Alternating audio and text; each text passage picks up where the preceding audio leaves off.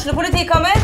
Ine Jansen er purk. Er du purk? The motherfucking bitch. Alt jeg vil, er å finne ut hva som skjedde med mannen min. Jon Carew. Er jeg sikta for noe? Iben Akeli. Det er du. Ole So, Lars Berrum og Big Daddy Karsten. Hvem sin side er du på, egentlig? Anette Hoff, Tone Danielsen, Kommer du fra Afrika? Jørnis Josef, Nesten. Kløfta. Trond Espen Seim, Det er synd å si det, men det var feil mann som døde. Purk.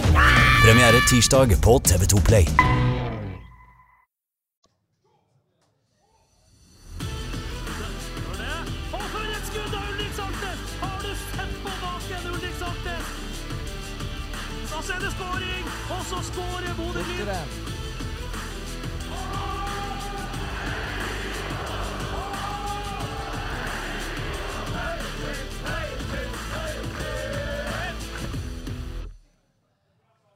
Da er vi samla på Sportsbarn igjen for en ny utgave av Studio Glimt-podden. Det er 2. august, Bodø-Glimt er på plass i Praha. Og i dagens utgave av Studio Glimt-podden skal vi snakke om Bodø-Glimts eget gatelag, som heter Glimtvis. Vi skal selvfølgelig snakke om eh, returkampen i Praha i morgen mellom Bohemians og Glimt. Vi skal dykke litt, dykke litt i Glimt sin historie i Europacupen. Det temaet kaller vi Glimt i Europa, og siden vi har selveste legenden sjøl, Runar Berg, med oss, må vi ha en egen avslutningssekvens bare med Runar Berg, og den gleder jeg meg steike mye til. I panelet i dag har vi Viktor Torrisen fra Glimtvis, vi har Runar Berg og vi har Raimond Limstrand Jacobsen, som gjør comeback i Studio Glimt-sammenheng. Mitt navn er Freddy Thoresen. Takk for at dere kom hit. Og for et skudd av Ulrik Saltnes! Har du sett på baken, Ulrik Saltnes? Før vi begynner å snakke om og få vite litt mer om Glimtvis, Raimond, så eh, det er jo lenge siden du har vært med. Og eh, før i tida, når jeg og du herja litt i lag i sånne settinger som det her, så var det jo du kongen av Twitterheimen. Men det har jo skjedd diverse merkverdigheter i Twitterheimen. Og det er jo en av grunnene. Jeg skjønner jo ikke hva Twitter er. Det er jo derfor jeg og du er blitt sånn her. eh, Du har hjulpet meg litt på sosiale medier. og du har installert Snapchat og Instagram og også Twitter på min telefon. Men her om dagen så kom det en stor X. Jeg skjønte ikke hva svarte er det. Kan ikke du forklare meg hva den X-en er? Altså, dine ekser eh, har jeg egentlig ikke så god peiling på. Men det er X-en på telefon. Det kan sikkert også være så mangt. Men den X-en du refererer til nå, er jo altså at Twitter eh, har bytta navn til eh, X. Til X. Er X, ja.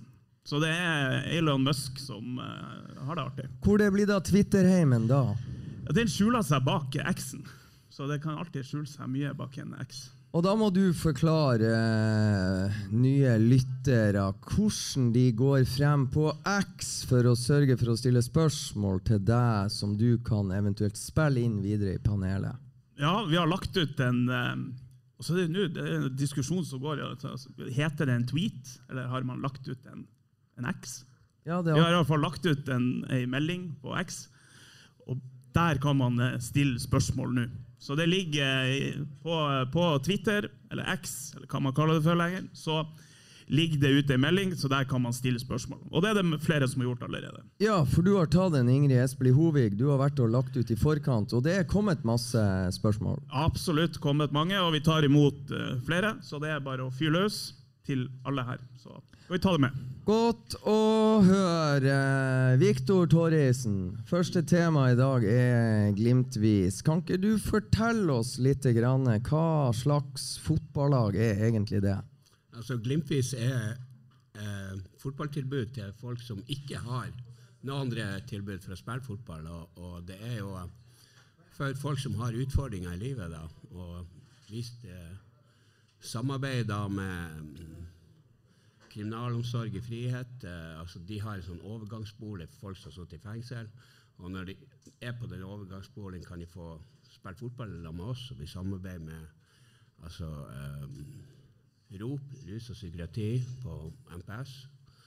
Og um, Fossum-kollektivet i år, der er det gutter som har slitt med rus. Og, og, og um, det betyr veldig mye for dem å komme inn til byen og spille fotball med oss. Og, og, uh, og Care også, eh, korttidsenheten for rus. Og, ja. Hvor, hva tid starta dere opp med det her i Bodø-Glimt? Vi starta opp eh, så Bodø by ble grunnlagt i 1816, Bodø-Glimt 1916, Glimtvis 2016. I klubbens 100-årsjubileum, er det det? Ja, da starta vi opp. Da var vi under eh, Kirkens Bymisjon, men nå i dag, eh, 2021, så kom vi inn eh, under eh, Bodø-Glimt sine vinger. Unnskyld at jeg er frekk, Viktor, men jeg må bare, jeg har det noen sammenheng med at Glimtvis ble starta, og at Bodø-Glimt rykka ned i 2016?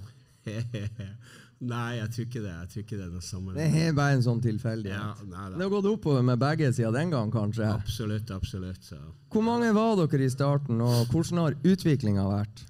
Nei, Til å begynne med så var vi eh, ganske få. Eh, men i dag har vi altså vi har 22 spillere til sammen. Og, og eh, vi er 10-12 stykker på treninga mandag og onsdag. Og vi trener oppe på Bankgata. Og er det dritvær og pissregn og sånn, så, så er det alltid masse unger som spiller der. Så Tolvåringer kommer og spiller fotball i oss, og det syns jo de er kjempestas.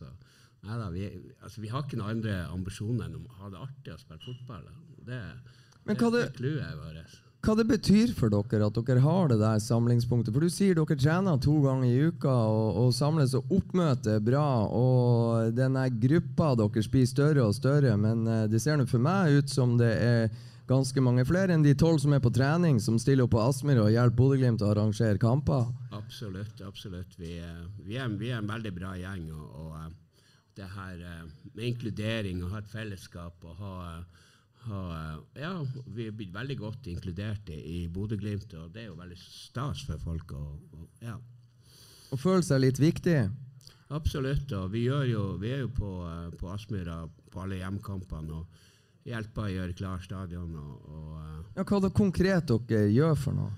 Vi går over alle setene og får vekk all dueskitten og måseskitten og reirene og alt mulig som, som, har, vært- som er er der. For eh, det er jo mye eh, mye fugler der, og mye skit. Og, ja. Også, Det er litt vind, og så blir det litt støv, og setene ser jo ikke Eh, ut. Nei da, og masse folk som får tråkka og trør på setene når de skal frem og til opp og ned. Altså, så det, det er ikke noe særlig stas å komme på kamp og, til et skjettent sete. Så eh, vi går over hele stadion og ja. Og Runar Berg, det er vel ikke jobb du kan gjøre i Bodø-Glimt? Det der å færre vaske setene for kamp. Du gjør ganske mye, men fortell nå litt eh, betydninga sett fra ditt ståsted når dere skal arrangere hjemmekamper. Ha en gjeng som stiller opp sånn som Glimtvis gjør. For jeg sett dem i aksjon nå. Det er jo mange kamper. Høydepunktene står jo i kø. og jeg treffer han Viktor og gjengen eh, hver bidige gang, og det er jo tre og fire timer før kamp i sving. Ja, det er helt utrolig at de kommer, og det er jo kjempeartig å, å ha det i Glimt. Og det betyr jo veldig mye. og Det betyr mye for Glimt også, også for klubben. Eh, Så det er klart, det å ha kamp på Aspmyra, det vet alle som har vært der. Det, det krever masse. Det er mange folk i sving, og stadion skal klargjøres. og og at Glimtvis eh, gjør en så stor jobb foran hver eneste kamp, eh, det gjør det at eh, folk som kommer på kamp, de får en, eh, en stol som er ren. Og sånn var det ikke alltid før, for det var få folk. og eh, de, gjør en, de gjør en utrolig bra jobb, og så eh, betyr de veldig mye for Glimt, de også. Så det er veldig, veldig artig at de, at de er der. Godt å høre, Raymond. Vi må jo bare teste de her spørsmålene. For jeg har sneket litt. Grann. Det var et fiffig spørsmål til selveste Viktor Torrisen. Bare for å Jeg syns jo det setter litt standard for hvilken type han Viktor egentlig er, så du kan jo fyre løs. Det kan vi. Det er fra Trond eh, Dalhaug. Som sier det hang i gang et glimtskjerf rundt halsen på Roald Amundsen-statuen i Tromsø den 17. mai. Kjenner Viktor til dette? Jo, det, den kjenner jeg til. Jeg husker, jeg husker så vidt. den eh, gangen eh, det var eh, Tromsø-Glimt på Alfheim, og, og den statuen er jo svær. Og jeg fant jo ut at jeg måtte det hadde vært veldig kledelig med et Glimt-skjerf rundt halsen på Roald Amundsen. da. Så jeg klatra opp der, og den er fem, seks, sju meter høy. og, og eh, alle sto, sto der. 'Kom deg ned, kom deg ned, du må ikke gjøre det her.' må ikke gjøre det her. Men eh, Jeg lot meg ikke stoppe. Det her var jo da jeg var ung og sprek. da. Eh, og eh, det ble jo skriverier i de her Tromsø-avisene eh, det nærma seg 17. mai, og det er Glimt- Glimt-skjerfet, og folk Det var jo ja, det her var ikke greit i det hele tatt. At, eh, men det var ingen i Tromsø som torde å springe opp der og, og, og fjerne flagget, det skjerfet. da. Så, men eh, 16. mai, da, da hadde Tromsø kommune leid en lift, da, så at de vært eh, ja. Det var jo en trivelig donasjon fra Ja, deg. da, ja, jeg skjønner ikke at, at ikke de kunne sette pris på det. Det var jo, eh, det var vakkert. Ja, jeg er enig. Du, eh, dere har jo nylig vært i Bergen òg, og er det NM i gatefotball det heter? Hvordan, eh, hvordan er det å reise på tur med gjengen? Eh, Klarer alle å oppføre seg, eller går det Ja da, vi er, vi er den, den flotteste gjengen eh, av alle. Tror vi har godt over 30 lag der. Og, uh, så det blir delt ut Fairplay-pris, da. Og uh, vi havna likt på, på sånn skala. Vi fikk 18 poeng sammen med mange andre lag. Og, og, og da var det skjønn som avgjorde hvem som skulle få. Pga. grunn av at vi var så godt humør, flott gjeng, og eh, kom med lagvenninna mi her, og og Malin. Og ja, vi fikk den prisen av at vi eh, Ja, pga. vi var så eh, Vi shina. Dere shiner, dere oppfører dere når dere er på bortebane. Vi, Det, vi representerer jo FK Bodø-Glimt, så, så uh, skulle bare mangle. Så eh, nei, Ja, det, det var stas. eh, Det betydde mye for oss. Men greia er det de, de Lagene på Østlandet og Sørlandet de, de spiller serie. De har, de har kamp hver eneste uke. Vi har ikke vi har ikke motstander. Vi, har, vi får ikke matching her oppe pga. at det er så lange avstander. Vi, av og til så er vi på Mo og spiller en kamp mot de og Mosjøen. Eh, så uh, har jeg oppfordring til uh, Glimt sine partnere om at de som er med i Partnercup, kan gjerne komme og spille kamper mot oss vi, før vi skal på de her turneringene, og, og, så vi får god matching. Og greia er jo det, når vi kommer ned dit eh, fra seks grader og sørvest og regn i Bodø, kommer ned til Muskapa, så er det 25-30 grader der, så vi får jo hetesjokk. Og alltid første dagen så så taper vi knepen. Vi tapte knepen for Vålerenga Start og et annet lag. Men dag to så er vi i gang. Da slo vi Tromsø Klart og KBK. Og eh, ja, vi gjør det alltid mye bedre enn neste dag. Sant? Så kan bare sånn, Jeg er ganske barnslig. Hva hvem var det du sa dere slo først eh, andre dag? vi slo Tromsø 3-0. 3-0. Ah, kan vel ikke gjentas for Men- mye.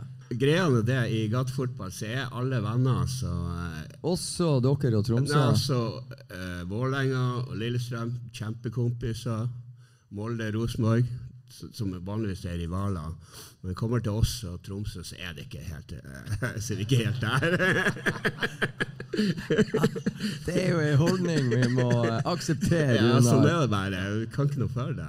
Det er bare, eh, I hvert fall ikke for min del. Altså. Jeg er jo gammel supporter. Jeg har jo vært, vokst opp i supporterklubbene i, i, i Glimt. Så, så det, det, da, da eh, Hadde vært VAR, så hadde vi aldri fått Fairplay-prisen. Men det er vel eh, NM i gatefotball skal vel være eh, i Bodø? 2024 i Bodø. og eh, Vi trenger frivillige, vi trenger eh, folk som backer opp. Og, og eh, det skal bli et kjempearrangement. Det skal bli tidenes beste uh, gatefotball-NM eh, i 2024 Bodø. Så bare kom og, kom og hei på oss. Utrolig bra. Vi hadde vel, eh, Det var vel eh, den gangen vi var med, da var det nordnorsk mesterskap i, på Rapida der. Ja, riktig, Rune. Da hadde vi, da Ja. hadde vi med et lag. Det var utrolig artig. Det var kjempe, kjempe, eh, kjempearrangement, og, og eh, dere var jo med og rilde oss. Ja, Eh, Kjempeskøy. Ja, det var superartig. Og banketten var jo super, med yotski og god mat. Og, Ja, veldig trivelig. ja, ja det var abs absolutt eh, terningkast seks. Jeg husker på dag to, han, eh, da var jo han eh, Lars Lagerbäck landslagssjef Ja, ja, sammen med han Per Joar Hansen, som Ja, kom og holdt et innlegg for alle eh, Ja. spillerne som var med. det, var veldig, det var veldig artig. Vi hadde et sånn seminar. Og ja, det var stas. Og da, det, greia med det Nordnorsk gatecup, det var i 2019, det var at vi skulle prøve å rekruttere, få, en, få gatefotballen til Nord-Norge. For det var kun vi og Harstad som egentlig holdt på seriøst. da. Så vi inviterte eh, Mosjøen, Narvik, eh, Mo i Rana og, og de klubbene. Vi, vi lagde jo draktsett til dem, og, så, som eh, han Ørjan eh, ordna, så trykte trykte nummer og alt sånn her. Og nå er de oppe og går både i Narvik og, og i Mo i Rana og Mosjøen med gatefotball der også. Så, så det, hadde, det hadde sin misjon, det, det vi gjorde da, eh, Runar. Du, eh, hvordan eh, Er det vanskelig eh, for dere å rekruttere flere spillere til å bli en del av det fellesskapet dere har eh, skapt? Eh, nei, det, vi, vi jobber kontinuerlig. Da. Vi vil gjerne ha med flere jenter. Da. Og, og um, vi har også um, flyktninger. Vi har en gutt fra Ukraina, og vi har to, to gutter fra Eritrea. Og, uh, som uh, vi har inkludert i fellesskapet. Og, og, og eh, ja. Det, det, det ringer stadig vekk. Det ringte et par stykker i går. og som jeg inviterte da på trening på, på mandag. De skulle egentlig trene i dag, men det ble ikke det ble avlyst. Du, Hvem er det som trener dere, og hvor viktig er det å ha en fast støttespiller som er med og, og legger til rette når dere skal spille fotball? da? Ja, som, eh, det han, eh, Kato Moan han er jo eh, fotballmann, og han jobba jo i Bymisjonen da vi starta opp. Og han har vært trener for en del lag i Bodø. Innstranda, Tverlandet, Gran. Og uh, vi har nulltoleranse for dårlige tilbakemeldinger, kjefting og smelling. Og vi skal bare opp, oppmuntre uh, hverandre når vi spiller fotball, og, og for at alle skal føle at Og det er ingen, ingen eh, krav til at du skal være til ferdigheter, eller at du skal være så, så, så, så god. Altså, du, du er god nok akkurat sånn som du er. Og, og Cato er veldig på det der. Men eh, bra vi har de dugnadene på Aspmyra, for da får han lov å kjefte litt. Men, men du, det er jo vanskelig for vanlig altså, det, altså, Runar Berg har nå aldri vært enig med en dommeravgjørelse, og har nå av og til slengt litt dritt til både en lagkompis og en motstander. Må være vanskelig å beherske seg i kampens hete, eller? det er litt Vi spilte mot fengselet. Og vi har spilt mot politiet, og sånn, og da, da, er, da koker det.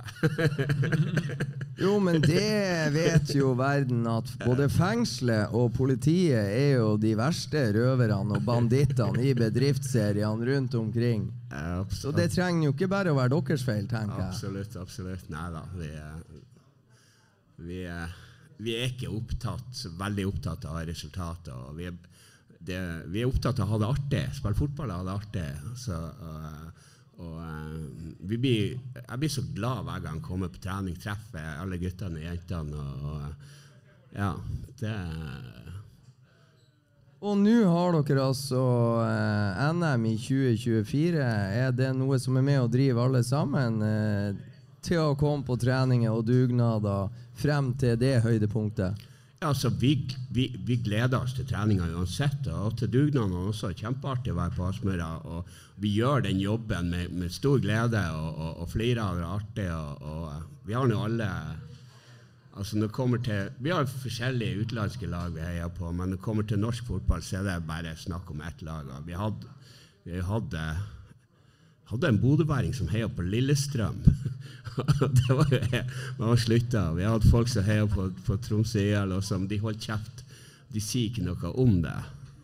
Så det, det er ikke greit. Det er ikke greit. Det er en slags indre justis også der. Der, der passer jeg på at, at uh, å holde den indre justisen på plass, ja.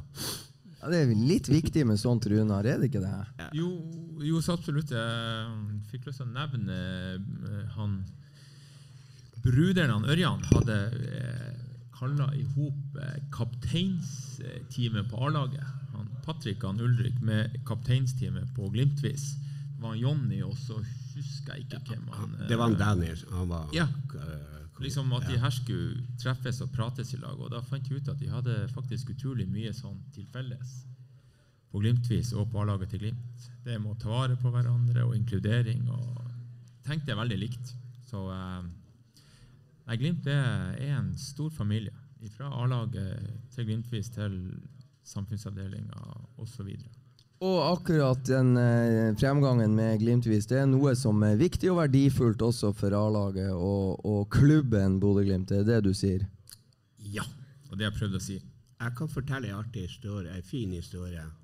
Um, da pandemien kom og det var lockdown, og um, vi fikk ikke lov å trene mer, vi fikk ikke møtes, og vi satt alle alene, hver for oss. Uh, plutselig en dag jeg satt hjemme, så ringer telefonen min, og ukjent nummer. Og så tar telefonen og sier ja, hei, Dan Ulrik Saltnes. Jeg sier hei, sier du. Ringer du til meg, liksom? Ja, spiller ikke du på Glimtvise? Og så begynte han å, å skravle. Han ville høre masse om Glimtvis. Jeg, jeg grilla jo han med hvordan det gikk med Glimt. Og om han ble lagkaptein, jeg sa han kanskje Patrick bedre, for han har jo Berg og nummer sju og, og alt det her. det hadde han lite tro på. Jeg sier at du har lengst fartstid. Men så ble det jo begge de to. da, og, og fortalte om en danske de har fått oppover, som skåra på alt. Og han hadde jo så tro på at, at, at det her skulle bli bra. Og, det var jo Kas, Kasper Junker, da. Og, og, det ble jo jævlig bra. Pandemien i Bodø det, det, ble jo en lek for oss som elsker Bodø-Glimt. Så, um, og når, um, vi fikk faktisk lov å begynne å trene ganske tidlig, for at uh, den, Erna Solberg og de gjengen der, de, veldig, de er veldig opptatt av uh, gatefotballen. Det var de som satt og styra da. Da jeg kom tilbake på trening, så fikk jeg høre at han, uh, Patrick, han JP og de, gjengen hadde ringt til de andre på laget. da, Så, så det, det, gjorde de bare sånn. Sånn grei. Det, det, hadde jeg funnet ut i garderoben, at de skulle ringe oss og høre hvordan det gikk med oss. Det, det viser hvordan, kjerneverdier det er i, i fotballklubben Bodø-Glimt. Ja, det, jeg syns det, det er en stor familie, rett og slett. Og, og veldig, veldig hyggelig gjort. Ja, vi får la det være siste ord fra Glimtvis. Og så var det jo en nydelig reklame for de superstjernene som mange av dere er og ser på veldig ofte på Aspmyra, og i morgen i Praha. Vi skifter tema. Da er det skåring! Og så skårer Bodø-Glimt! Ja, Som dere sikkert har skjønt, så kan han Viktor mer enn uh, bare å snakke om Glimtvis. Så du slipper sikkert til med noen betraktninger. Vi kan jo egentlig spørre deg først. Hvordan kommer det til å gå i morgen i Praha? Klarer Bodø-Glimt å ta vare på 3-0-ledelsen fra første kamp i Bodø sist torsdag? Jeg er rimelig sikker på at Glimt går videre til uh, det Bohemian var ikke så jævlig god. Det, jeg tror det der skal være grei skåring. Altså. Skårer Glimt ett mål, så må de ha fem. Altså. Ja, det, det, der går veien, det, det er jeg sikker på. Så du har ikke glemt Klaksvik i fjor? Det så rimelig greit ut på Aspmyr. Jeg satt sjøl i USA og så den kampen der, og jeg har fortsatt mareritt fra returkampen på Færøyene, for der, der kunne det fort ha gått eh, til Peking det var helt jævlig å se på den kampen. det var ille. Glimt hadde jo flaks og fikk den straffa der. Det var jo tvilsom. Og, nei, altså, det blir ikke noen ny Klaksvik. Jeg tror de har det der greit i minnet at uh, ja. Ja, det her går veien. Ja, Runar, det er du som er fotballeksperten. Hvor vanskelig er det, eller uh, hvor bra er det å ha 3-0 med seg til en returkamp på gress på Sparta Praha sin hjemmebane? Nei, jeg er enig med han Viktor. Jeg tror det der blir grei skuring. Altså, da Glimt fikk eh, 3-0 på Aspmyra, så tror jeg både jeg og flere tenkte sånn Der var det liksom avgjort. 2-0 er litt sånn Ja, det er kanskje litt, litt, lite å ha med seg på en bortekamp. Men samtidig så syns jeg det var veldig stor forskjell på lagene. Jeg syns Glimt var mye, mye bedre enn uh, Bohemian, som de heter. Så uh, men man vet jo aldri i fotball. Men, men, akkurat i morgen så tror jeg at der, det, det, vil overraske mye hvis det blir, sånn, at det blir noe drama der. Ja, En, eh, en liten del av det her Studio Glimt-podden Det er jo å lære litt. Og nå sitter han Sindre Kolberg i, salen her og sender tekstmeldinger til kjenninga på Mo i Rana. Men det er viktig at uh, Sindre og andre lærer. Der er en fiffig liten link mellom Bohemians 1905 og Bodø-Glimt. Eh, det har jo jeg og du forska oss frem til, Runar. Men det hva, hva, heter den mest kjente spilleren som ever har spilt i Bohemians 1905? Det vet du. Panenka. Det visste du òg. Antonin. Antonin Panenka. Det visste du òg, Viktor. Absolutt. Men hvor blir linken til Antonin Panenka og Bodø-Glimt? Tar dere den? Jeg vet det. Du vet ikke, eller vet du? Jeg er rimelig sikker på Har ikke han spilt i lag med han uh, Dutte? Ja, du er nært! Du er nært. Men eh, Runa Berg sin pappa Harald Dutte Berg ble henta til Ado Den Haag og, eh, av Ernst Happel, som har en stadion i Østerrike oppkalt etter seg. Og ikke før Dutte var kommet til Nederland, så dro Ernst Happel og overtok treneransvaret i en klubb som heter Barcelona, som mange av oss har hørt om. Men hvor, Runar, kom den nye treneren til Ado Den Haag fra? Han kom da ifra Tsjekkia. Tsjekkoslovakia den gang. var. Tsjekkoslovakia, hva heter han? Han heter Jesek. Så var det her eh, fornavnet. Vaklav. Vaklav Jesek. Ja, og han trente da eh, eh, FC Den Hage. Faderen eh, spilte jo i, da, i FC Den Hage fra 1969 til 1973. Så dro da han hjem til Bodø. Så han Jesek så tok han over eh, Tsjekkoslovakia, altså landslaget. Og, eh, og Tjekko... Skal du fortelle, eller skal Ja. Og Tsjekkoslovakia de eh, vant eh, EM i fotball i 1976 med han Jesek som trener. Og Panenka-straffa er sikkert mange som har hørt om. Det er liksom når du liksom chipper ballen i mål. Keeper slengt, så tar du sånn Panenka. Og, og den straffa der rett og slett, det ble oppkalt etter han Panenka, som, vi, som avgjorde finalen i EM. Til 5-3 så chippa han ballen i mål, så eh, vant de da EM i fotball i Tsjekkoslovakia. Og med han eh, Panenka som skåra på straffa, da, og derav Panenka-straffa. Var, var det som passer rett, eller? Ja, det var helt rett, og det er jo der den linken er. Så Dutte Berg fra Bodø-Glimt, kanskje den største stjerna i Bodø-Glimts historie ever, hadde Vaklav Jesek som trener i Ado Den Haag. Og Harald Berg dro videre og sendte Bodø-Glimt til cupfinale i 1975, og Bodø-Glimt på kartet en gang for alle, mens Jesek dro til Tsjekkoslovakia og tok et historisk EM-gull med Antonin Panenka som en av sine nye stjerner. Han, Panenka nådde jo aldri opp til Dutte, men straffa kan ingen ta ifra han, tenker jeg. Og i dag er han jo styreleder i Bohemien. Det er akkurat det han er. Og han har truffet på Og spilt i mange år der. Og i kveld har han eh, latt seg avbilde sammen med Stian Høgland og Trond Olsen, så nå har nå Antonin Panenka også en ny ting å skryte av. Var det ikke en straffekonkurran Åsmund Bjørkan prøvde seg på? sånn Pane- Et- Panenka Eh, når du nå sier det, så tror jeg det var det som er en av grunnene til at eh, de to herrer fra Avisa Nordland fikk lov å møte Antonin Panenka. For de har eh, kontakta NRK og hadde med seg på PC Åsmund Bjørkans i straffe fra straffekonken mot Brann for å få Antonin Panenka til å bedømme den. Så jeg håper Åsmund Bjørkan er lykkelig uvitende om det. Ja.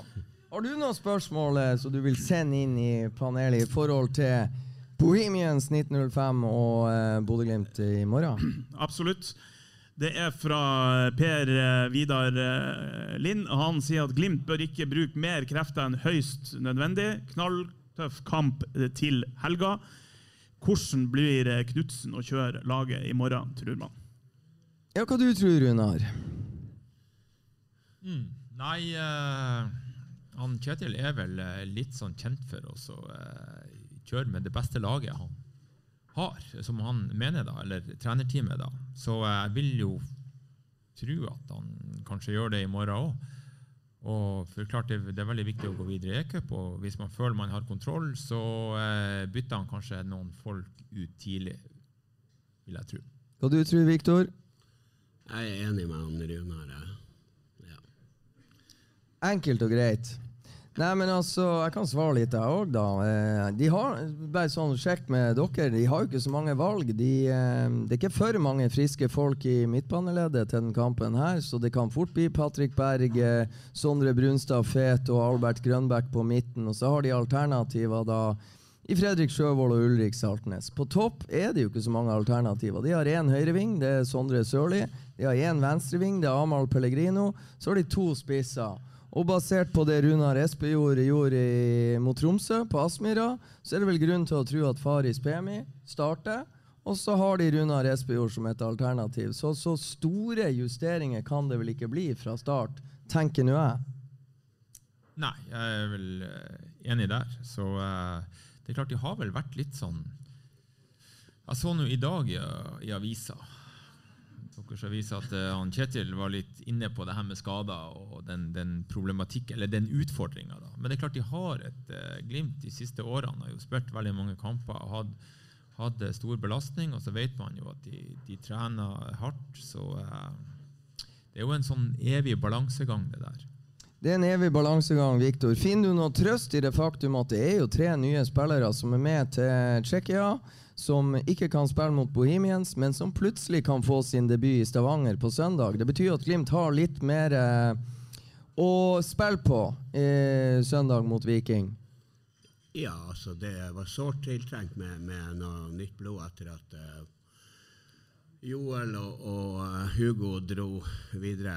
Så uh, jeg har stor tro på de her ungdommene som er kommet inn i, i Glimt. men jeg vil tro at de, de, trenger litt tid på å um, ja, bli, bli, kjent med, med re, relasjoner og, og, den type ting.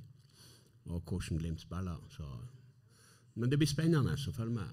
Jeg, jeg har stor tro på, på de, de, som er kommet inn. Og jeg er spent på det uh, nå at om det blir flere signeringer utover uh, august, uh, når vinduet er åpent. Så det er bare å følge med. Skal vi kjøpe hele Tromsø, skal vi ikke? Jeg vet ikke, Raymond. Er det flere spørsmål i forbindelse ja, med kampen? Um, det er en som kaller seg Glimt-supporter, uh, som uh, spør om man kan snakke litt om Jeppe Kjær. Når Vettelsen dro, så trodde han at Jeppe kom til å bli årets store gjennombrudd. Nå er han ikke med til Praha. Hva skjer der? Skal dere to svare, eller? Jeg tror Fredrik, det er du som eh... Jeg vet ikke. jeg vet heller ikke. Det må jo bli du. Eh, Nei, eh, Jeppe Kjær uh, er jo da ikke med. Og jeg har hørt snakk om at Glimt vurderer å låne han ut, men det må, han må lånes ut til rett klubb. Og jeg tror det er en del klubber i spill som prøver å friste Bodø-Glimt til å får lov å låne Jeppe Kjær, og så tror jeg også både Jeppe Kjær og Bodø-Glimt syns det er på tide at han får litt mer spilletid enn han har fått. Det, det, vi kan si fra treningen med Jeppe Kjær, er jo at han, han er en ung gutt fra Danmark som, som hadde det steike tøft i, i, Ajax. og ikke sant, 16 år og få en sånn prislapp på 25 millioner, eller hva det var. Det, er, det kan være tøft for enkelte å tåle akkurat de forventningene som stilles når en sånn overgang blir en realitet. Og han herja jo faktisk i Superligaen i Danmark som 16-åring for Horsens, som da er samme klubb som Kasper Junker kom til fra eh, Eller kom fra da han dro til Bodø-Glimt. Så eh, og for øvrig, da ble han trent av han der dansken som overtok Zürich og var frekk nok til å vinne 2-1 mot Bodø-Glimt på Letzi grunn i fjor høst. Så Jeppe har brukt lengre tid enn jeg tror Jeppe Kjær sjøl ønska, og lengre tid enn Kjetil Knutsen og trenerteamet ønsker. Men heldigvis så eh, begynner han nå å vise saker og ting på trening som det er få andre i troppen som er i stand til å gjøre. Så har han også slitt litt med muskulaturen, også han, selv om han ikke har spilt kamper. Så eh, Grunnen til at han ikke er med til Pra, tror jeg at der er et eller annet utlån på gang. Og så er spørsmålet om det skjer før Glimt kommer hjem fra Stavanger, eller om det blir i neste uke, er mitt tips. Så Ja, altså, så må man jo huske på han er jo en, fortsatt en veldig ung gutt. da.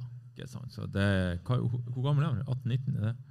Ja, 18-ish, ja. Ja, ikke sant? Så det er, jo, det er jo ikke uvanlig at det tar litt tid. De har tid, bursdag så jævla ofte, Runar, når de er 18-19. Ja. Så det er ikke så godt Nei. for oss som er over 50 å følge med om var det han som var 18, eller var det han som var rukket å bli 19, og er du blitt 22, liksom. Men poenget er vel det at sant? det er jo ofte at når du er De aller, aller fleste er jo ja, 20, 1, 2, 23. Så, så, eh, så at det går litt opp og ned. I, og det er klart at det er vanskelig å spille seg inn på det her Glimt-laget også. Det, det har konkurranse. Og så bare Når jeg har sjansen, så må jeg bare si det. Skli litt inn i spørsmålet. Altså, eh, det er interessant nå. Bodø-Glimt har Jeppe Kjær. Han er under 20. De har henta Tobias Gulliksen, de har henta Daniel Bassi, de har henta Petter Nåsa Dahl, de har Lukas Kuber. Så kommer Syver Skeide fra Hødd. Det her er blant de aller beste som i mellom 18, 19 ish og 20 år. Så eh, ganske mange av de her tror jeg kan garantere kommer til å slå igjennom på fotballbanen i helgult. Det store spørsmålet er bare hvor lang tid bruker de før gjennombruddet kommer. Noen trenger litt lengre tid. Jeppe Kjær er en av de. Så tror jeg f.eks. Tobias Gulliksen, om han bruker én eller to kamper på på å slå ut i full blomst, så eh, tror ikke jeg det er så langt unna sannheten. Men de har veldig mange spennende unggutter nå. Andre spørsmål, Raymond? Vi kan jo ta Når du, når du snakker om uh, unggutter, så er det um, Dan Helge lurer på om uh, Og her òg Jeg vet ikke om Runar kan si noe, eh, muligens du må si noe. Men uh, om vi kan si noe om Glimt-akademiet. Uh, kommer det noen unggutter uh, som man kan se på som fremtidige A-lagsspillere derifra? Uh, ja, jeg holdt på å si det. Nå er ikke sånn inne, men uh, sånn Ja, så garantert at det vil komme spillere fra Glimt-akademiet og Nord-Norge og hvor som helst ellers. Så skal man jo huske på at Glimt har jo de siste årene så opererer man jo på ei litt anna hylle. Så det er klart den, den veien direkte opp på A-laget er blitt veldig tøff. Men at, eh, at det kommer spillere fra Glimt-akademiet som, som kommer opp, som eventuelt kan lånes ut og komme tilbake og sånn, og det, det, det gjør det helt sikkert. For det, det, selvfølgelig er det talenter her men, eh, som vil komme opp, men akkurat eh, når og hvem, det er jo litt vanskelig å si.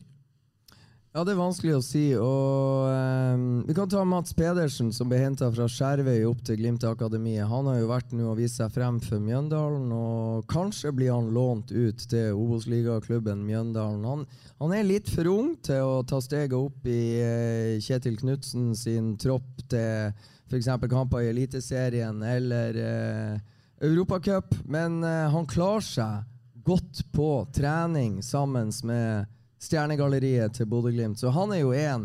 Isak Sjong er nå på i nordisk mesterskap for G16-laget i Finland med Norge. Veldig god keeper. Magnus Brøndbo er 18. Altså Isak er 16. Magnus Brøndbo, som har vært i Roma i et år, er tilbake i Bodø. Så det ironiske her er når Nikita Haikin kommer tilbake til Bodø-Glimt, så har man endelig en 16-åring og en 18-åring som begge to er landslagskeepere. Isak som sagt dro til Finland nå og skal spille nordisk for Norge. Og der fikk de jo med seg en som det var knallhard konkurranse mellom Bodø-Glimt og Tromsø. En som heter Theo Ingele. Midtbanespiller, liten. Han er da fast på dette norske landslaget, som også eh, er da på tur eh, til nordisk sammen med Isak. Og han valgte Bodø-Glimt istedenfor Tromsø. Og så kan vi jo ta eh, Det var en til på det landslaget. Sånn, en midtstopper fra Alta. Tromsø var jo frekk og freidig og henta broren til han eh, Nordheim Nordby, tror jeg. Vonheim Nordby. Og det er antageligvis det største midtstoppertalentet Norge har sett på mange herrens år. Han er 15 eller 16 år. Tromsø var, trodde de var lur. De henta storebroren for å sikre seg at lillebror skulle komme når han var klar, fra Alta. Og verken Bodø-Glimt eller Tromsø hadde sjans, for han ble henta rett til RB Leipzig for jeg tror det er 10 millioner kroner. Og, eh, Men Bodø-Glimt sikra seg i hvert fall Theo Ingile. Så der er det en 15-åring. For å ta bodøværinga, så er det en som heter Alexander van der Spa, en midtstopper som, eh, som er bra. Har en fin utvikling på Glimt 2 i eh, andredivisjon. Eller i hva det er, Post Nordligaen, er det det? Ja. Post Nord, ja. Post Nord, det er, det er tredjedivisjon avdeling fem, kan vi kalle det det. Junkeren spiller i andredivisjon avdeling to. Stemmer. Og så kommer Obos-ligaen, og så kommer Der lærte vi en del nye liganavn nå.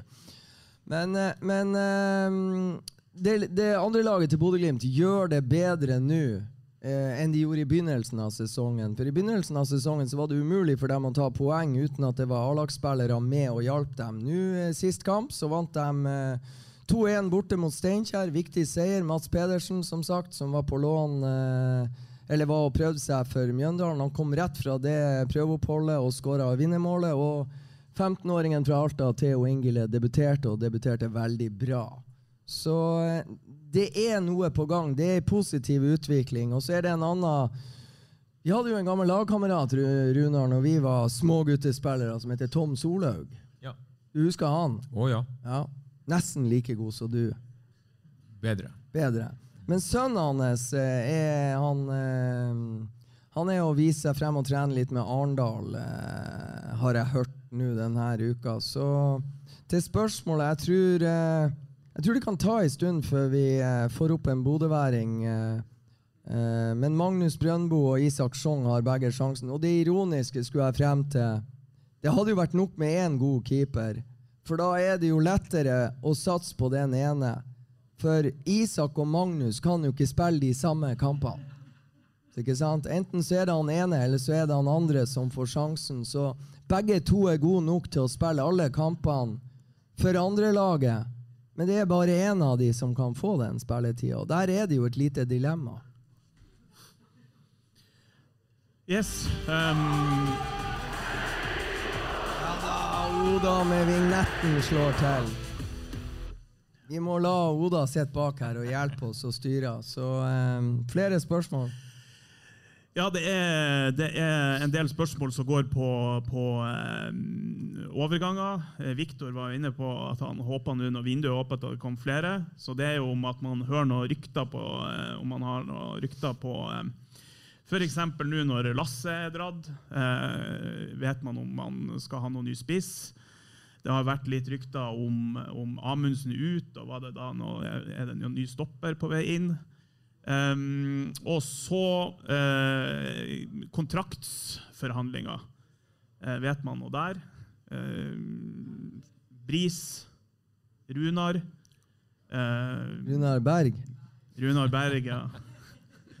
Det er jo bare en Men om Espejord om han vil forlenge, kontrakten med han. Um, så det var det, det er det flest lurer på. Det er, det er rykter, hører man om noen spillere inn, og uh, kontraktsforhandlinger med Og en uh, som da mye skader, er jo Morten Konradsen også. Hva skjer med han fremover? Ja, Nå så han Ørjan Heldal satt i lokalet. Jeg vet ikke, Runar, får du å snike papirene til han eh, Ørjan eller han Frode eller de gutta der av og til når du er innom på Aspmyra? Ser du noe spennende? Ja, vet du, Jeg skal innrømme at uh, jeg vet veldig lite om overganger. Det, det leser jeg stort sett i Avisa Nordland. Eller så, eller så, ringer han Freddy når jeg, når jeg, skal vite noe. Det var litt annerledes før. Da var det motsatt. var det jeg som liksom, tipsa han Freddy hvis jeg hørte noe.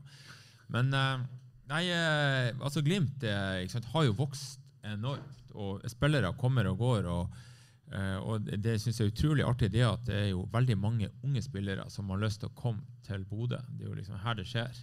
Og ikke bare i Norge, men altså, vi har dansker og osv. Så, videre, så det er det, nei, jeg, jeg, tilbake til spørsmålet om overganger. Så, eh, så jeg orka rett og slett ikke å drive og mase på han, verken han Ørjan Heldal eller han Kjetil Knutsen eller ja, eller han Håvard Sakariassen. Det blir, eh, de har masse de, de på. Det er han Freddy Thoresen og Ørjan Berg. De, de, de, vet jo ikke noe. De har sikkert funnet ut at du sladra til meg hvis de sier noe spennende. ja, det er det, vet du. Ja, det er ikke bra.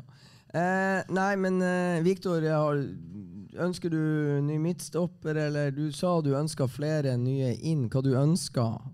jeg ønsker at eh, vi kan ta litt tilbake på Rosenborg og eh, få et par spillere. De, to, par, de best, to beste spillerne fra Rosenborg har vært Signaleffekten av det har vært he helt genial. Så, så, mye som de har plaga oss i, gjennom 70-, 80-, 90-tallet med å ta våre beste spillere. Så jeg syns det er på tide at payback.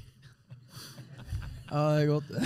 Vi, vi, kan, vi kan, ta en, en, runde med Word on the Street, da. Um, for uh, i det her uh, gatefotballmiljøet som jeg av og til vanker med agenter og rykter og det der og, og, og klare å, å, binde sammen de. Men, men, det er nok ting som tyder på at det var en reell interesse for Bodø-Glimt etter Rosenborgs Carlo Holse. Det er nå det ene.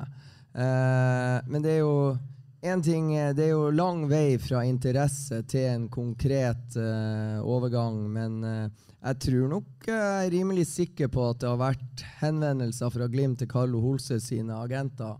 Men så er jeg også rimelig sikker på at Carlo Holse ønsker å ta turen rett fra Rosenborg og ut, istedenfor å ta et år i Bodø før han drar ut. Som han kanskje burde gjort, for da kommer han seg jo til en bedre klubb enn han vil gjøre nå. Uh, on, et annet word on the street er at denne spissen som han ønsker Det er jo ting som tyder på at Det sies at Kasper Høeg aldri ville ha signert for Stabæk uten at han visste at han kommer til å spille for Bodø-Glimt i 2024. Så vet jeg ikke om vi skal tro på det eller ikke, men det er word on the street. Han hadde aldri signert. Stabæk hadde jo opsjon med den danske klubben til Kasper Høeg om at de kunne kjøpe han for eh, tre millioner kroner. Og det har de nå gjort. Men ryktene sier at Kasper Høeg hadde aldri signert for dem uten at han visste at han kom til å havne i Bodø-Glimt. Og så ryktes det òg at Bodø-Glimt og Stabæk er enige om den summen som Glimt skal betale Stabæk. Og det er egentlig eh, småsummer, sånn som jeg vurderer overgangene, som har det er langt mindre penger enn eh, det som var involvert for å sikre seg Tobias Gulliksen, for å si det sånn. Men da er det til, til, til, neste år? Det er ikke snakk om noe nå? Det er ikke snakk om nå, nei. Foreløpig. Eh, det blir jo da en forhandlingssak, tenker jeg. Men det er word on the street, ikke bekrefta, men eh, Nettavisen og Stian André De Wahl har ganske gode kilder på akkurat det jeg påstår nå. Og Når det gjelder Isak Kelstad Amundsen, så var det ganske konkret eh, beskjed at eh, klubbene var enige om eh, 12 millioner. Bodø-Glimt og Molde. Eh, men Isak har jo slitt, og om det er Jeg tror Isak Ingen skal være i tvil om at Isak ønsker mer spilletid enn han har fått uh, denne sesongen. Og det er ikke bare trenerne i Bodø-Glimt sin feil, det. Isak starta mot Sarpsborg 08. Uh, ble jo trødd ned av en uh, Sarp-spiller som uh, røk ut på rødt kort når dommerne hadde sett den uh, på VAR. Uh, ankelen hans fikk seg en skikkelig karamell. Ergo så var han indisponibel de neste kampene. Så han trøbla med hofta. Etter at han kom tilbake fra hofteskaden, så har han jo vært utsatt Eller satt ut av spill med en hodeskade. så der er også det der dilemmaet med hvem av keeperne som er unge og lovende, skal få uh, spilletid. Så er det et lite dilemma. For kravet om å ta poeng i Eliteserien og henge med er ganske knallsterk uh, for de som styrer butikken i Bodø-Glimt sportslig. Og da eh, sverger Kjetil Knutsen til spillere som har vært tilgjengelig på alle treningene. Og det kan være en av grunnene da, til at Isak har fått mindre spilletid enn Lode og Mo og eventuelt Odin Bjørtuft. Så eh, det blir spennende å se. Men at Isak går til Molde, det tror jeg vi kan sette en strek over. Det har folk sentralt plassert i Bodø-Glimt hevda overfor meg. Men eh, det kan komme andre klubber enn Molde som ønsker å kjøpe Isak. Så eh, vi får først og fremst håpe at han kommer seg tilbake på banen fort. Så tror jeg at ønsket fra trenerne i Bodø-Glimt er at han skal få spilletid. Så til kontraktsforhandlinger. Så eh, tror jeg Bodø-Glimt er villig til å strekke seg veldig langt for å få forlenga kontrakten med Brisveen Bangomo. De samtalene tror jeg har pågått. Og så er det jo et spørsmål om uh, altså Ingen må være i tvil om at Bodø-Glimt ønsker å forlenge med Bris. Samtalene har pågått, og så gjenstår det å se om Bris biter på, om Bris ønsker å være i Bodø-Glimt. Hvor lang kontrakt har han? vet du? Han har ut neste sesong, hvis ikke jeg tar feil. Jeg tror ikke jeg tar feil. Jeg tror han har ut neste sesong. Så Der kan det komme et sånt tilfelle som Philip Sinkernagel og eh, Bjørkan og Lode, som etter sesongslutt dro gratis videre ut i den store verden. Den situasjonen kan oppstå med Brisveen Bangomo. Hvis ikke de blir enige. Men at de forhandler, ingen tvil. Runar Espejord har jeg ikke hørt noe om angående forhandlinger og den slags. Og så har vi jo to skadeforfulgte bodøværinger, som vel er de to eneste som går ut eh, av kontrakt etter 2023 2023-sesongen. Og det er Ask Kjerransen Skau og Morten Ågnes Konradsen. Så uh, de må jo først komme seg på banen, tenker jeg. Så hvordan det er med forhandlingen der, uh, er ikke godt å si. Men, men så har du vel òg noe sånn eh, i forhold til Europacup og det at du skal ha egenutvikla spillere. Sånn. Er det noe som kan eh, påvirke der? Ja, og da kan de også ta og løft, løfte opp to keepere, og de kan løfte opp Mats Pedersen, og de kan løfte opp eh, Fander Spa, f.eks. Denne, det var vel en høyreback som fikk debuten mot Mosjøen på bortebane. Så de kan eh, mikse og trikse ganske mye med B-lagstroppen. De kan vel, på, kan vel melde inn i en europatropp 20 spillere hvis det er det de ønsker. Egenprodukter. Så de kan løfte opp småguttelaget, tenker jeg. hvis det Sånn satt litt på spissen. Så det, det er muligheter til å omgå det der, der lite grann. Så har vi jo en del Glimt-spillere. Sant? Ja. Der, eh, der er vi litt mindre Der er jeg mindre sikker på reglene, Viktor, for å være helt ærlig. Om de, om de sjekker. Nei da, så der er muligheter, Raymond. Vi kan ta et uh, spørsmål til angående spillere. og Det er fra uh, Sunnmøre-Glimt, som spør uh, om uh, har Glimt slutta å ta opp spillere på, på prøvespill, eller er man der at man følger de mer over, over tid for å være sikker på Tidligere så har vi hatt, det har vært flust av folk på prøvespill her. Ja, For å svare på den, så tror jeg den tida begynner å nærme seg slutt. Nå var det vel en brasilianer å vise seg frem på ei trening som angivelig ble stengt. Da var jeg på ferie, så jeg bare leste og kosa meg. Eh, det var vel eh, Det var jo ikke et stort prøvespill, det var kanskje ei trening. Men eh, hva som skjedde, vet man jo ikke. Men angivelig var det en brasilianer her. Men jeg tror Glimt har styrka sitt eget scouting-nettverk, så jeg tror folk som Anders Ågnes Konradsen og Robert Hauge har finsikta de spillerne som eventuelt Glimt ønsker. De, det kommer av og til et sånt wildcard som han estlenderen eh, Mathias Kite, som plutselig ble tilgjengelig, som de kunne låne et par måneder. Nå fikk jo også han seg en hodesmell eh, ganske kjapt etter at han kom kjørende i privatbil med sin frue fra Estland til Bodø. Så noen sånne wildcard Pernambuco er jo også en sånn en som, som de velger. Altså det, det er sånn liten risiko. Det koster ingenting. Og så å få de til Bodø og teste de ut i omgivelsene her. Og hvis de tar steg, så forlenges det. Hvis ikke utviklinga er som de ønsker, så sendes de videre. Eller drar videre til, klubb, til klubber hvor de får spille mer. Det er vel eh, sånn som Tidligere så var det veldig ofte at det kom eh, spillere på prøvespill, rett og slett, som var der kanskje ei uke eller, eller to. eller noe sånt. Kan ikke du fortelle om prøvespillet til Stig Johansen? Ja, Stig var jo en av de i, i eh, Kom jo fra Lofoten i Det her var jo etter eh, Det var vel i 94, det her? eh? 95. 95. Ja, han, han spilte i 95, men prøvespillet var vel i, ni- i 94.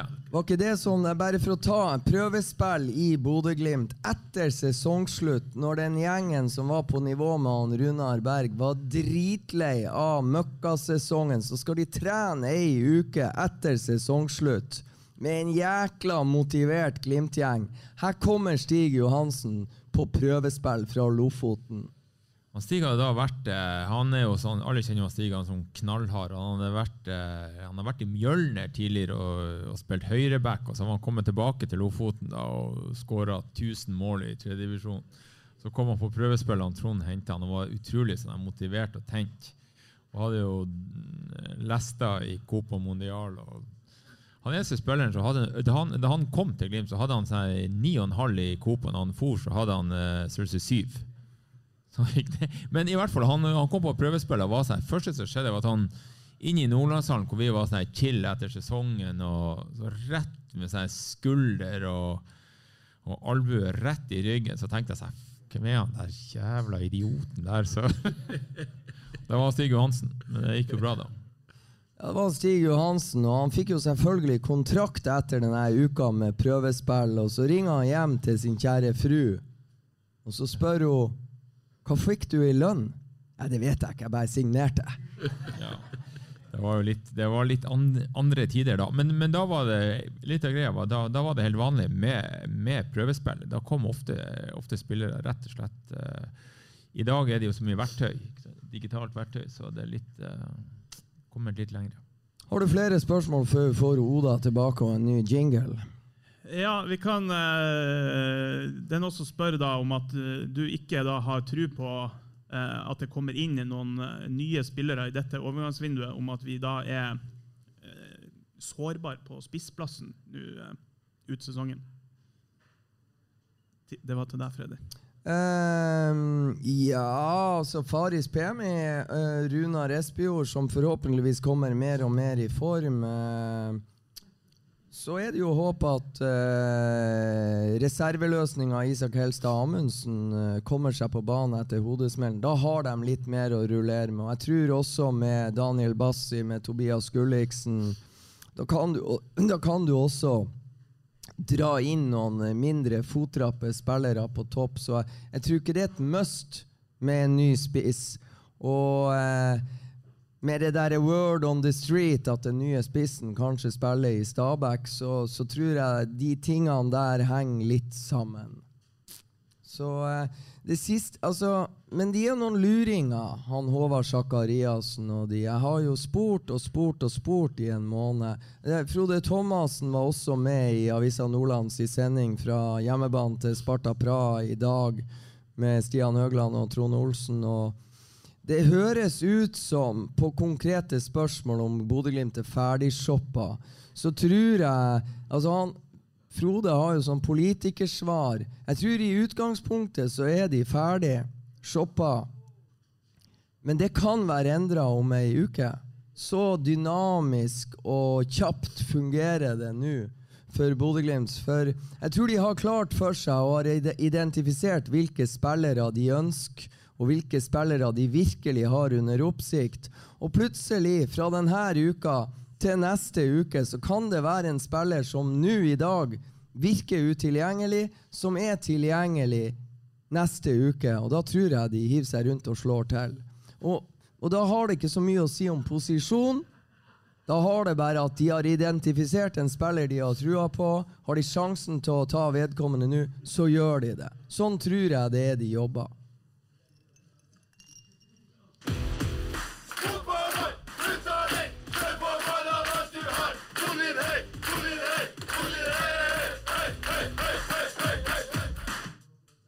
Ja, det var masse spørsmål-svar. Det var jo veldig artig å ha deg tilbake, for da kommer det så masse spørsmål-svar, du. Ja, bare hyggelig. Ja, men vi må snakke litt om uh, Bodø-Glimt i Europa.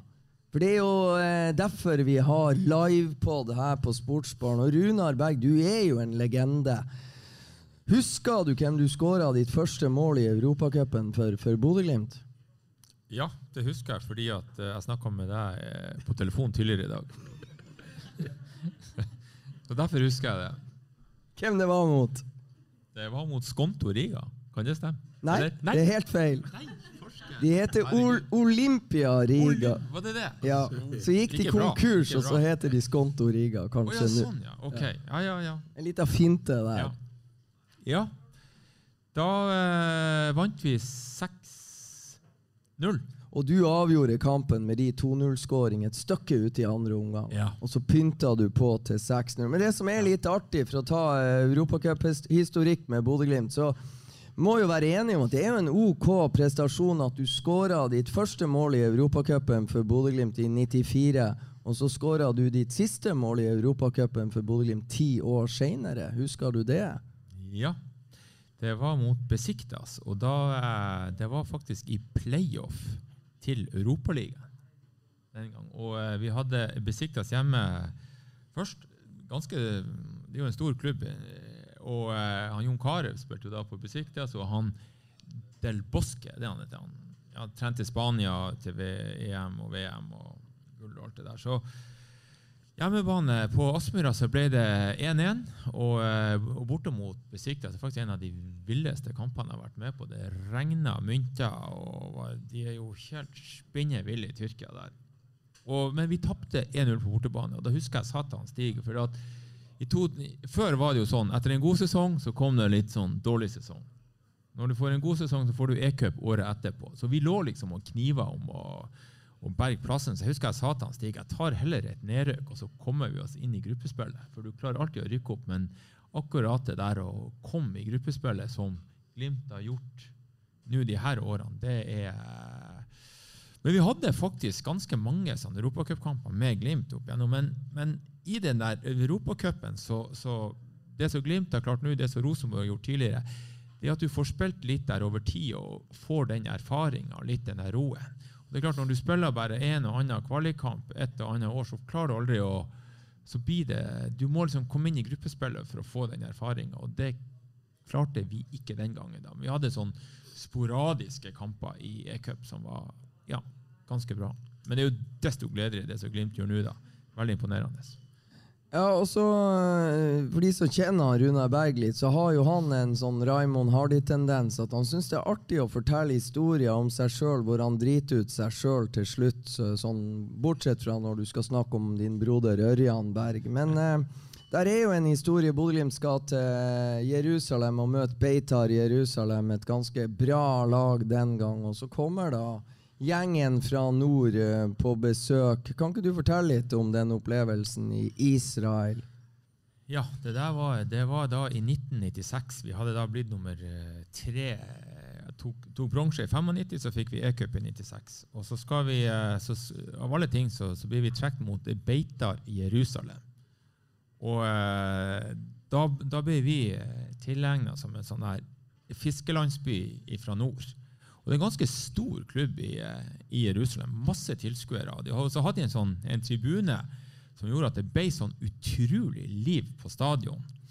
Og, eh, og, så, og så vant vi 5-1 på bortebane først. Og så skåra jeg tre mål. Og på den tida så jobba jeg på Berg Sport i Bodø. Så skulle vi ha returkamp eh, to uker etterpå, eller uker senere. Så det var egentlig avgjort.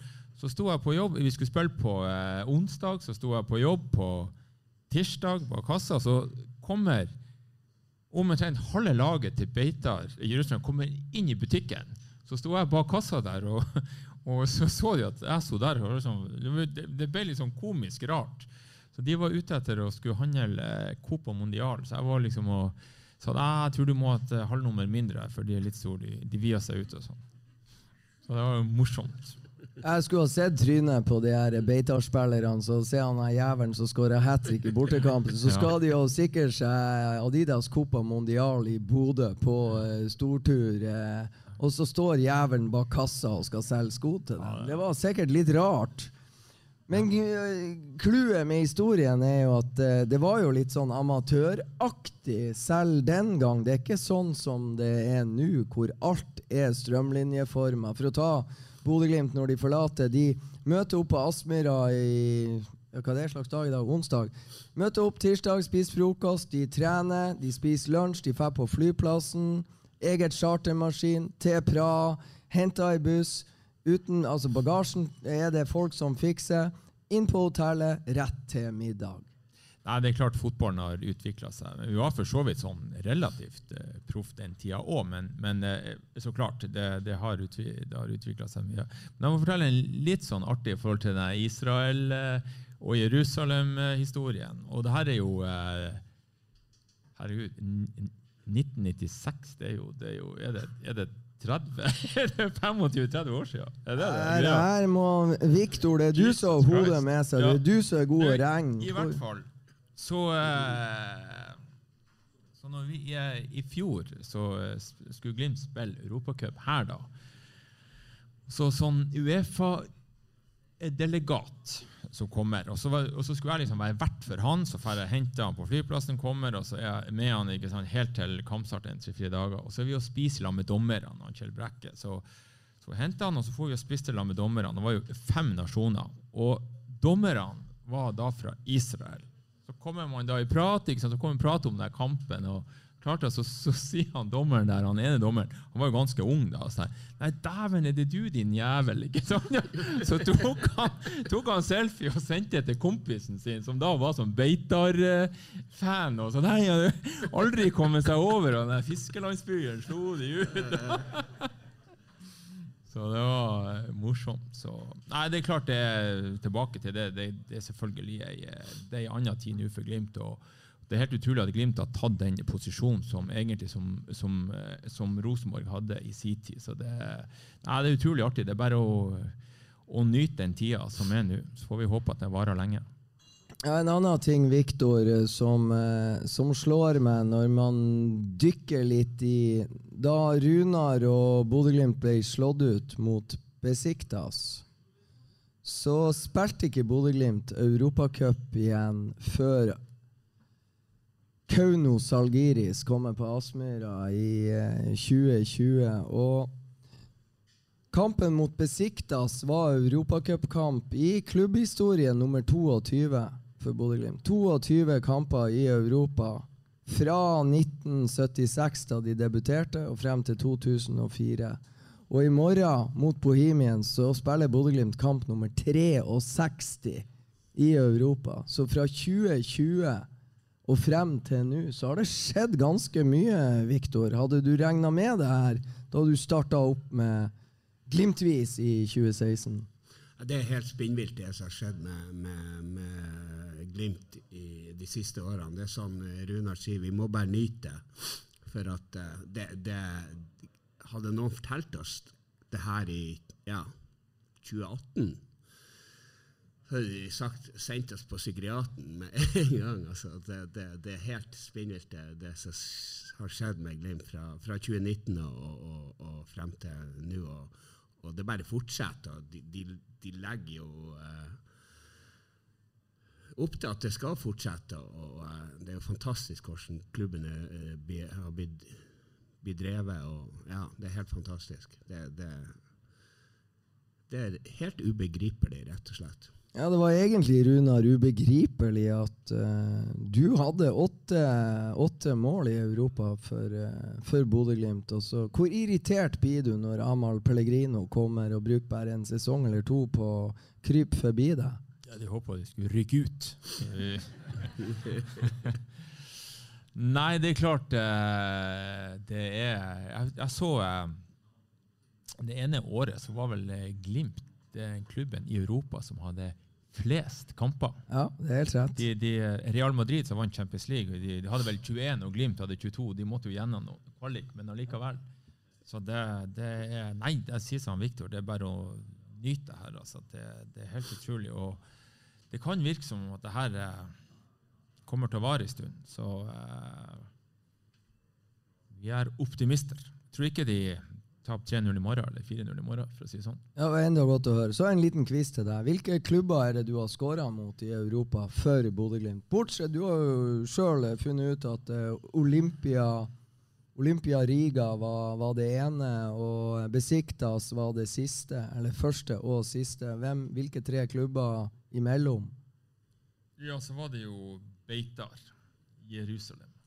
Der, ja. Der var det tre. Hvem er de to andre? Det var kanskje Flora Tallinn eller noe sånt? Hadde vi ikke? Eller? Levadia Tallinn. Levadia, herregud. Ja. Begynner å bli glemt, det er ikke bra. Eh, Og så er det det siste. Det blir ikke skåra eh, på bortebane i Europacupen. Det ble skåra på hjemmebane i Europacupen. Men det var ja, ikke på ja, Aspmyra. Ja. Det var mot Trabzonspor, ja. Tyrkia, ja. Ja, men det er Tapte- vi tapte 2-1, da, ikke? Jo, dere gjorde det. Ja. Irriterende, det òg, selvfølgelig. Bra. Har du noen spørsmål til Taflet? Nei, jeg tror eh, man har fått i alle fall det som er kommet på Twitter. Hvis det er noen som eh, har noen spørsmål her ute som de har lyst til å rope ut, så er det bare å, eh, å fyre løs. Men ellers har vi fått Veldig bra. Men da, når jeg har han Runar Berg her og så Bare sånn eh, litt mer quiz. Hvem var det du spilte på midtbanen sammen med mot Beitar i Jerusalem? Husker du det? Da du skåra hat trick. Du glemte jo å si at dere ble applaudert av banen. Hjemmefansen som begynte med å være ganske sånn stygg og nasty mot dere. Så ble du faktisk applaudert av banen etter at du hadde skåra ganske fiffig tredjemål. Ja, var, eh, vi hadde et sånn innkast på sida, sånn langt innkast, så sto jeg i returen. Så fikk jeg sånn eh, lucky treff med venstrefoten på volley. Så, så bare whoosh, så får han rett liksom i knallhardt hjørne. Så bare, hva skjedde, liksom? Og da applauderte publikum. Så jeg og Ronaldo har fått applaus når eh, jeg skåra på bortebane. Det er jo litt artig. Men hvem, eh, hvem spilte du i lag med på midtbanen i den kampen? I 96 Uh, Ørjan. Du spilte i lag med han Ørjan. Ja, han var sentralt. Og så var det du og han Tommy Hansen. Ja. Hvordan klarte du å spille så godt med han Ørjan på samme lag? Ja, det, det, man må jo huske man må jo unngå han, ikke sant? Han var, han var jo stort sett i veien. Men, men når vi har det her, så må jeg også spørre. Eh, eh, vi må, Rosenborg har jo en stolt tradisjon i Champions League. Men altså, du var med og spilte da Rosenborg slo Real Madrid 2-0 på Lerkendal. Hva du husker i dag fra, fra den kampen der? Nei, altså den, den perioden som Rosenborg hadde da på mer eller mindre på ti år så Jeg var så heldig å få være med i, i, i to av de årene. Eh, i, I 97 og 98, og, og et av de årene så slo vi, eh, så slo vi Real Madrid. Det var, det var på en måte Rosenborg kommet Det var liksom der som Glimt er nå, hvor man eh, har den erfaringa Har lært litt av feilene, og så begynner man å høste frukter av kunnskapen. Ja. Jeg husker sjøl første året mitt sånn, i, i Champions League i, i 97. Så øh, vi kom inn i gruppespillet. Det var jo liksom, det sto jo på de her kvalikkampene og litt sånn nerver, men så kommer vi inn i gruppespillet. Da vet du at du har seks kamper. Du kan senke skuldrene litt. Men jeg husker eh, fortsatt det første året i 97 så følte jeg at jeg var rett og slett for stressa. Men så, så får man den erfaringa, så kommer man i året etterpå, og så er man mye roligere. Så, så, eh, og der er liksom Glimt nå. Og det var det vi ikke klarte med Glimt, f.eks. I, i, eh, da vi tapte mot Besiktas. I, eh, så Derfor er det så utrolig viktig å få være med og komme i de gruppespillene. For da får du, både som lag og som enkeltspiller, så får du ei utrolig sånn verdifull erfaring hvor du egentlig får bekre eller du får bekrefta at, at du er like god som de andre. Sånn som Glimt-spillerne nå, de står jo ikke tilbake for noen av de lagene de har møtt. De kunne jo ha slått Arsenal i fjor ikke sant, som et av verdens beste lag. Så du har ingen eh, minner om at du har vært med å slå Real Madrid? Jo.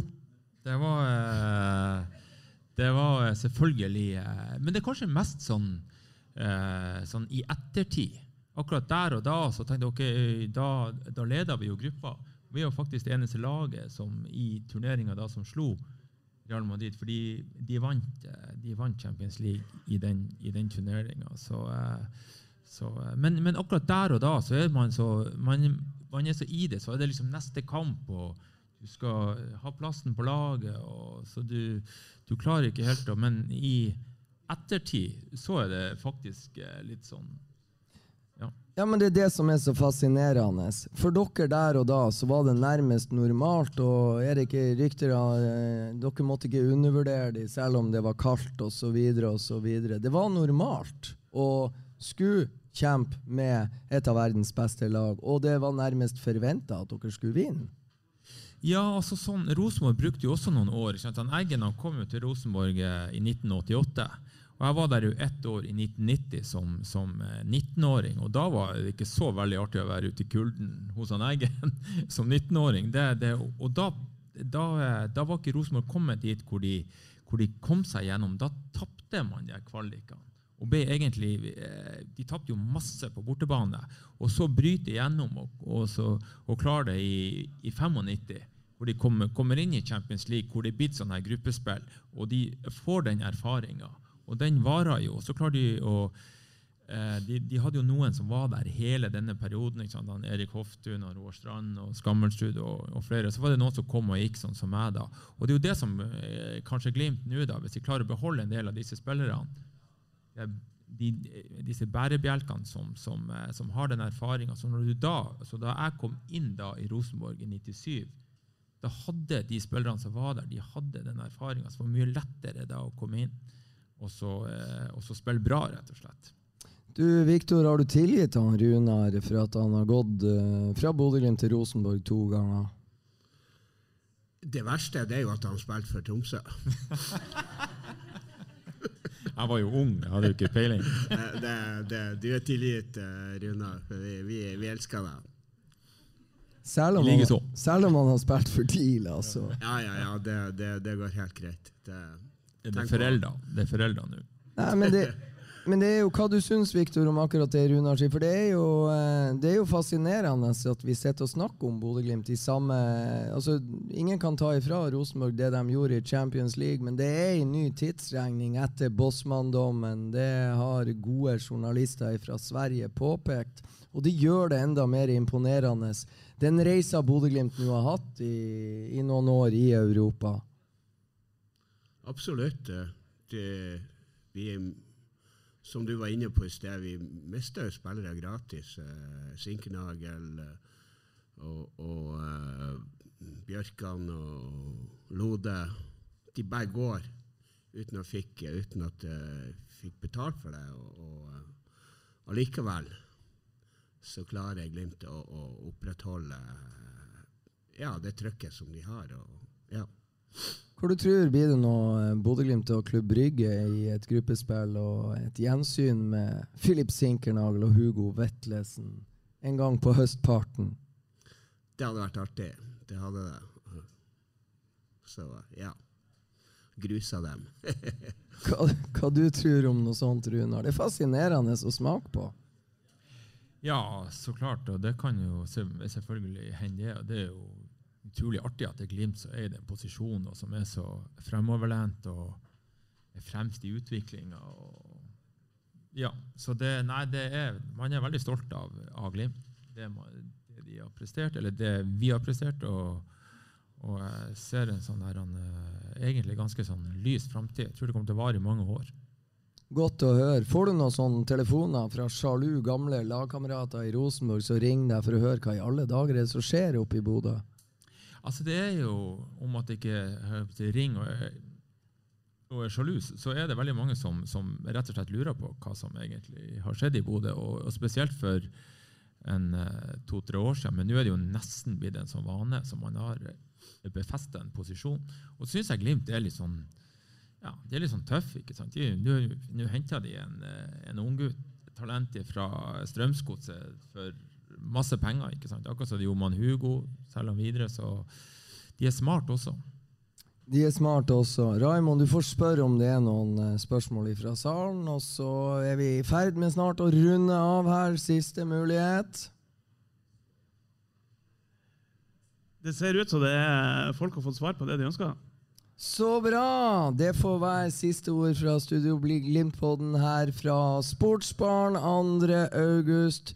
Tusen takk for dere som kom og hørte på. Og så skal vi gjøre oss ferdig, og så legger vi det ut i opptak for de som ikke hørte på. Så kommer vi tilbake med nye utgaver av Studio Glimt-podden. Det kommer kamp på AN i morgen med Stian Høgland og Trond Olsen som eh, kommentatorer. Så får vi håpe at Bodø-Glimt gjør jobben. Takk til Viktor Torrisen.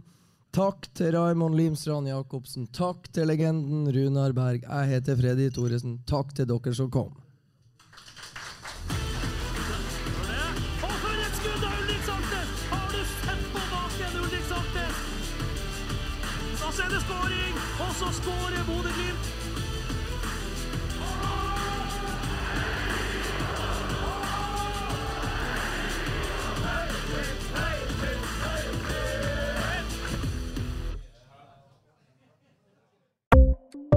Ukens annonsør er HelloFresh.